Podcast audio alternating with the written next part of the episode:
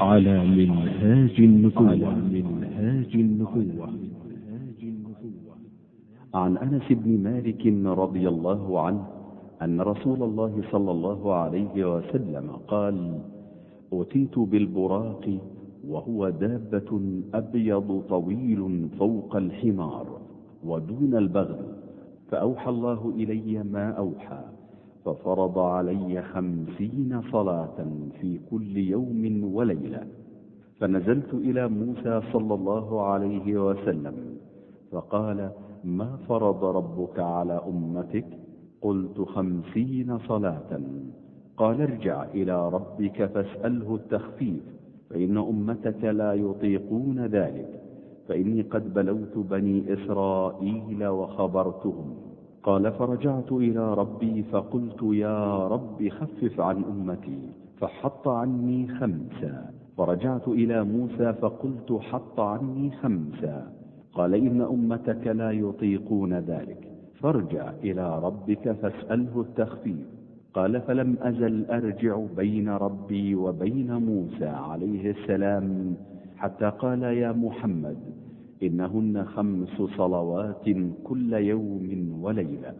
قال فنزلت حتى انتهيت إلى موسى فأخبرته فقال ارجع إلى ربك فاسأله التخفيف. فقال رسول الله صلى الله عليه وسلم فقلت قد رجعت إلى ربي حتى استحييت منه. بسم الله الرحمن الرحيم. إن الحمد لله نحمده ونستعينه ونستغفره ونتوب إليه ونعوذ بالله من شرور أنفسنا وسيئات أعمالنا من يهده الله فلا مضل له ومن يضلل فلا هادي له وأشهد أن لا إله إلا الله وحده لا شريك له وأشهد أن محمدا عبده ورسوله صلى الله عليه وعلى آله وصحبه وسلم تسليما كثيرا أما بعد أيها الأخوة المشاهدون فسلام الله عليكم ورحمته وبركاته. استمعتم إلى هذا الحديث العظيم حديث الإسراء والمعراج وهو حديث صحيح. سبحان الذي أسرى بعبده ليلا من المسجد الحرام إلى المسجد الأقصى الذي باركنا فيه. لنريه من آياتنا. كم رأينا في هذا الحديث؟ وسمعنا من فوائد عظيمة لا أستطيع حتى مجرد الإيجاز في هذه الدقائق ولكنها إشارات. إن أول ما نقف عنده في هذا الحديث هو التكريم العظيم لمحمد صلى الله عليه وسلم. فالإسراء والمعراج تكريم لمحمد صلى الله عليه وسلم. بل ومعجزة من أعظم معجزاته صلى الله عليه وسلم. هنا نقف مع هذه الإشارات السريعة كما قلت في هذا الحديث العظيم. أول وقفة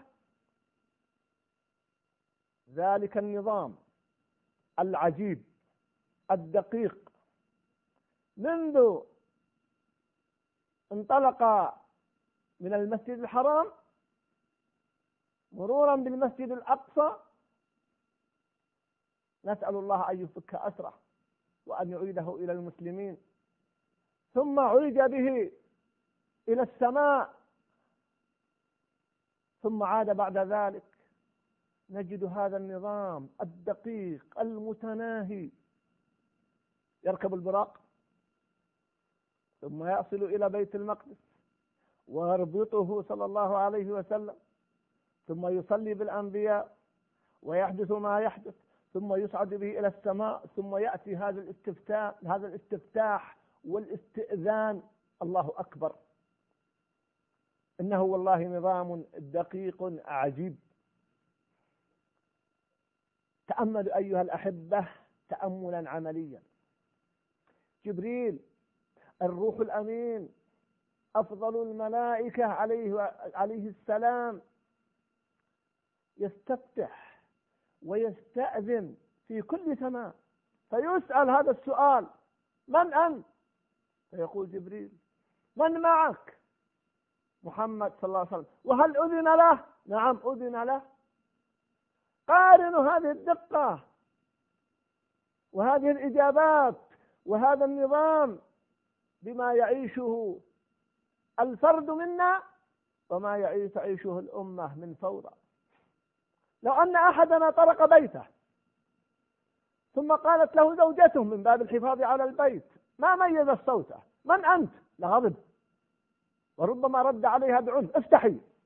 سبحان الله يا أخي الكريم. ربما لو أن أحدنا استأذن على أخ له وقال له من أنت؟ قال أنا. من أنت يا أخي الكريم؟ انظر إلى جبريل عليه السلام ومن هو جبريل؟ الروح القدس. أمين الله على وحيه. يستأذن. ما قال أنا جبريل؟ لا من أنت؟ من معك؟ وهل بعث إليه؟ هل أرسل إليه؟ ويجيب إجابة ويتكرر. هذا السؤال في كل سماء. إنه نظام يسري على الجميع. ولا غضب. من الذي مع جبريل؟ هو محمد صلى الله عليه وسلم. أفضل الأنبياء والمرسلين أفضل الخلق صلى الله عليه وسلم. ثانيا نجد من هذا الحديث تلك الترحيب. يرحب بمحمد صلى الله عليه وسلم في كل سماء ومعه جبريل.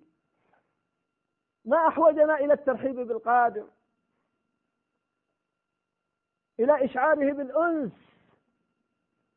وبخاصة إذا كان غريبا الابتسامة تزيل الوحشة الترحيب يزيل ما قد يحدث في النفس.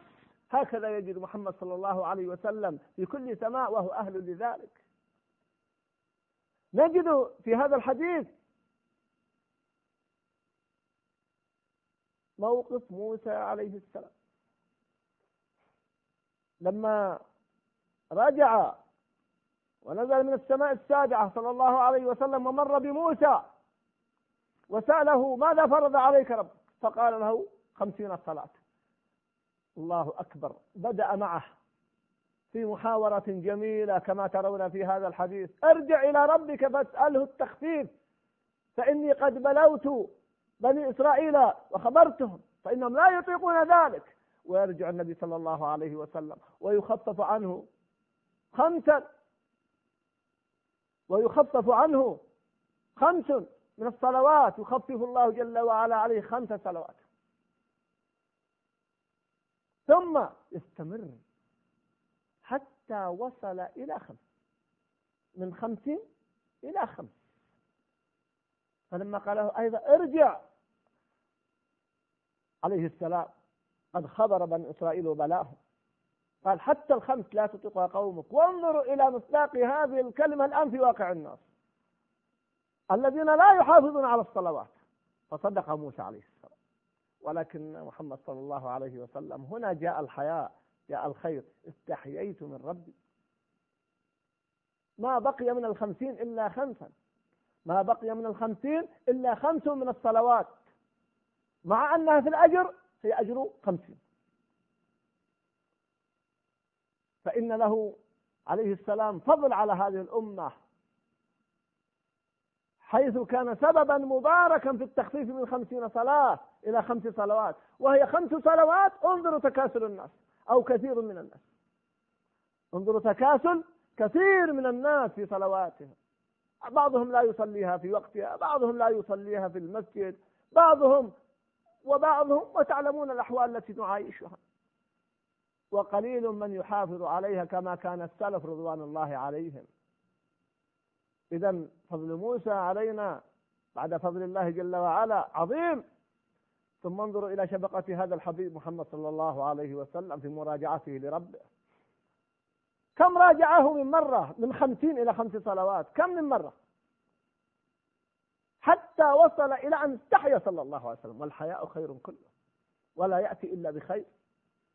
شفقة على هذه الأمة. لقد جاءكم رسول من أنفسكم عزيز عليه ما عنتم حريص عليكم بالمؤمنين رؤوف رحيم. إنه والله رحمة للعالمين الرحمة المهداة صلى الله عليه وسلم. رحيم بهذه الأمة حريص على هذه الأمة. هذا هو التيسير. فهذا أيضا من تلك الوقفات المهمة في هذا الجانب أيها الأحبة. وهنا من تلك الوقفات أن الاستشارة أو الإشارة لا يلزم أن تكون بطلب من المستشير. فموسى عليه السلام بدأ ذلك قبل أن يكلمه النبي صلى الله عليه وسلم. سأله ماذا فرض عليه ربه؟ ماذا أوحى إليه؟ ثم أشار على النبي صلى الله عليه وسلم بهذا الرأي المبارك. فإذا يا أخي الكريم رأيت على أخيك أمرا ترى أن الخير في غيره لا تقل لم يسألني لا تقل لم يستشرني قدم رأيك. ربما يكون قد غاب عنه هذا الأمر ربما يكون قد غفل عن هذا الأمر. بعض الناس تقول له يا أخي الكريم أنت علمت أن فلان قد عزم على هذا الأمر.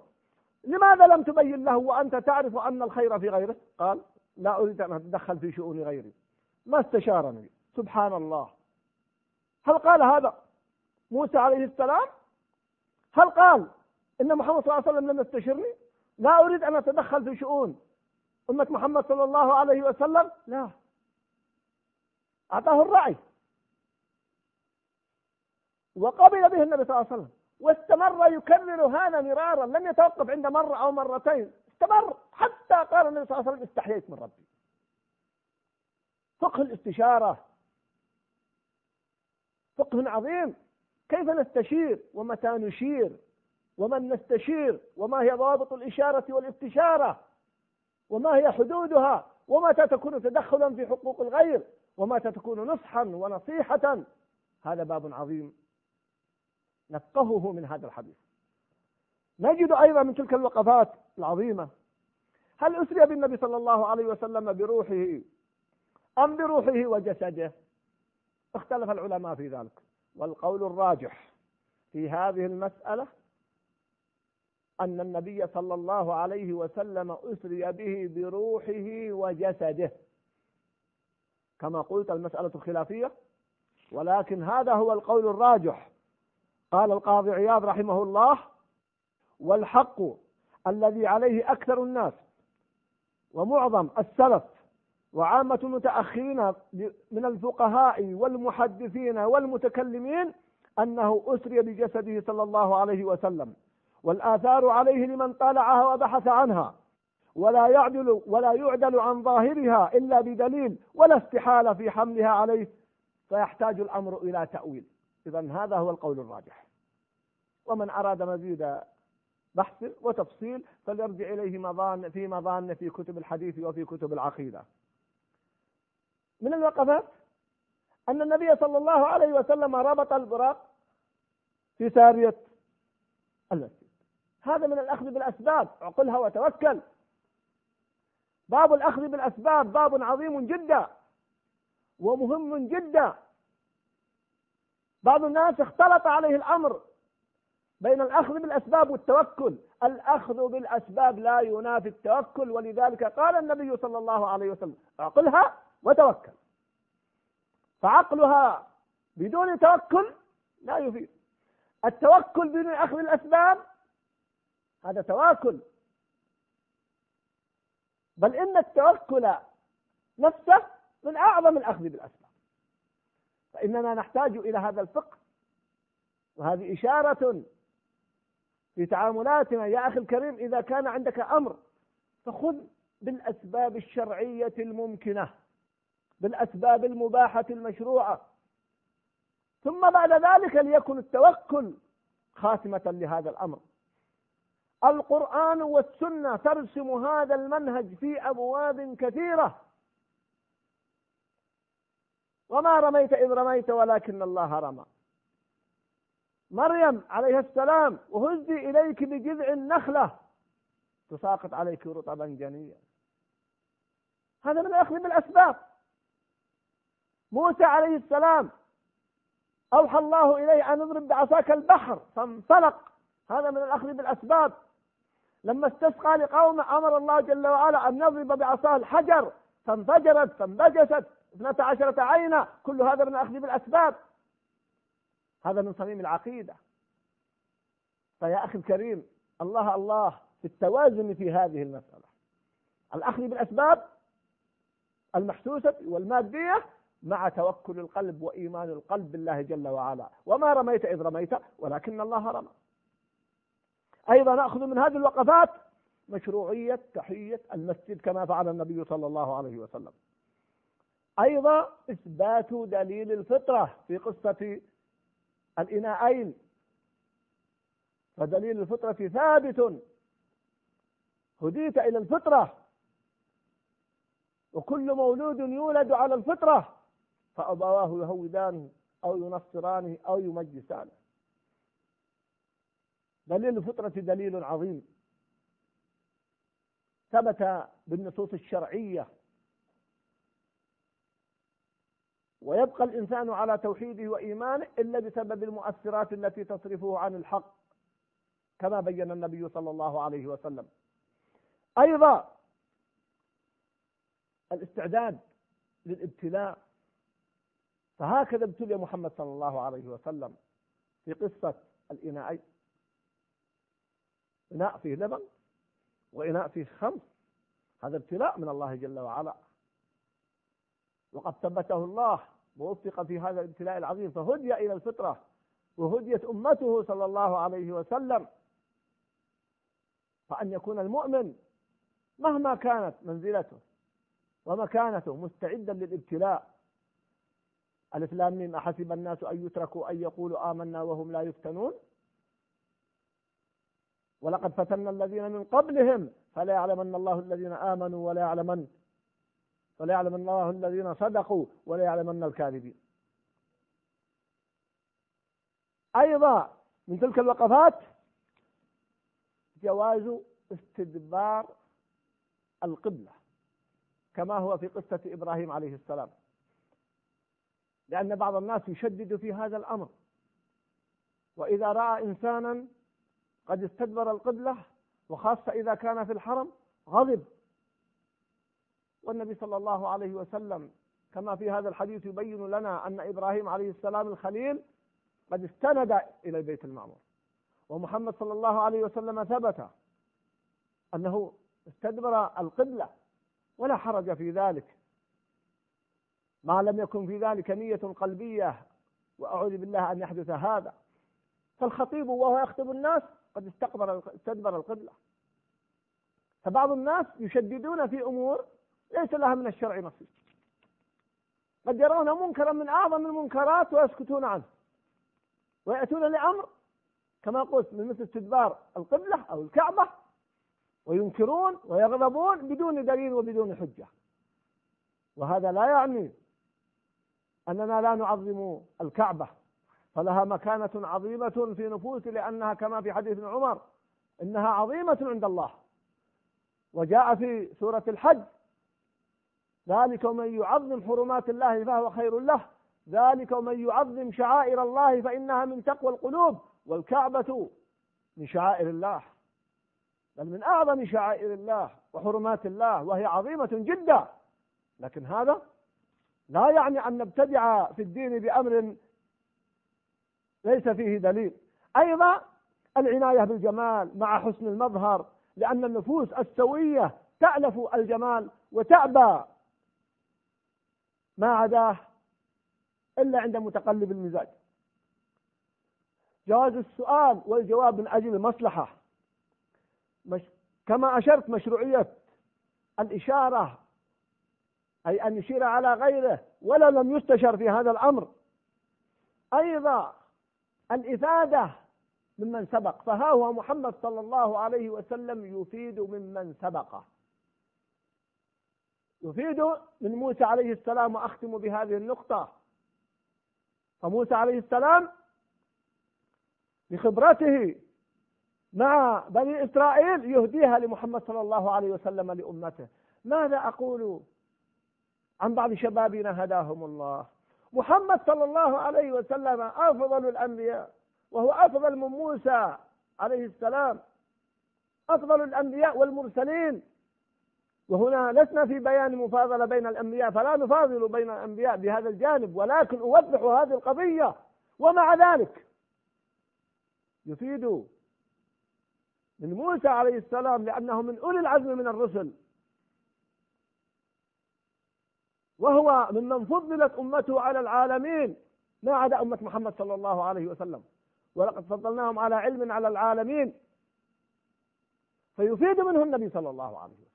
الآن بعض أبنائنا بعض شبابنا لا يريد أن يفيد من إخوانه ولا من مشايخه ولا من أبيه ولا من أمه. وهو شاب.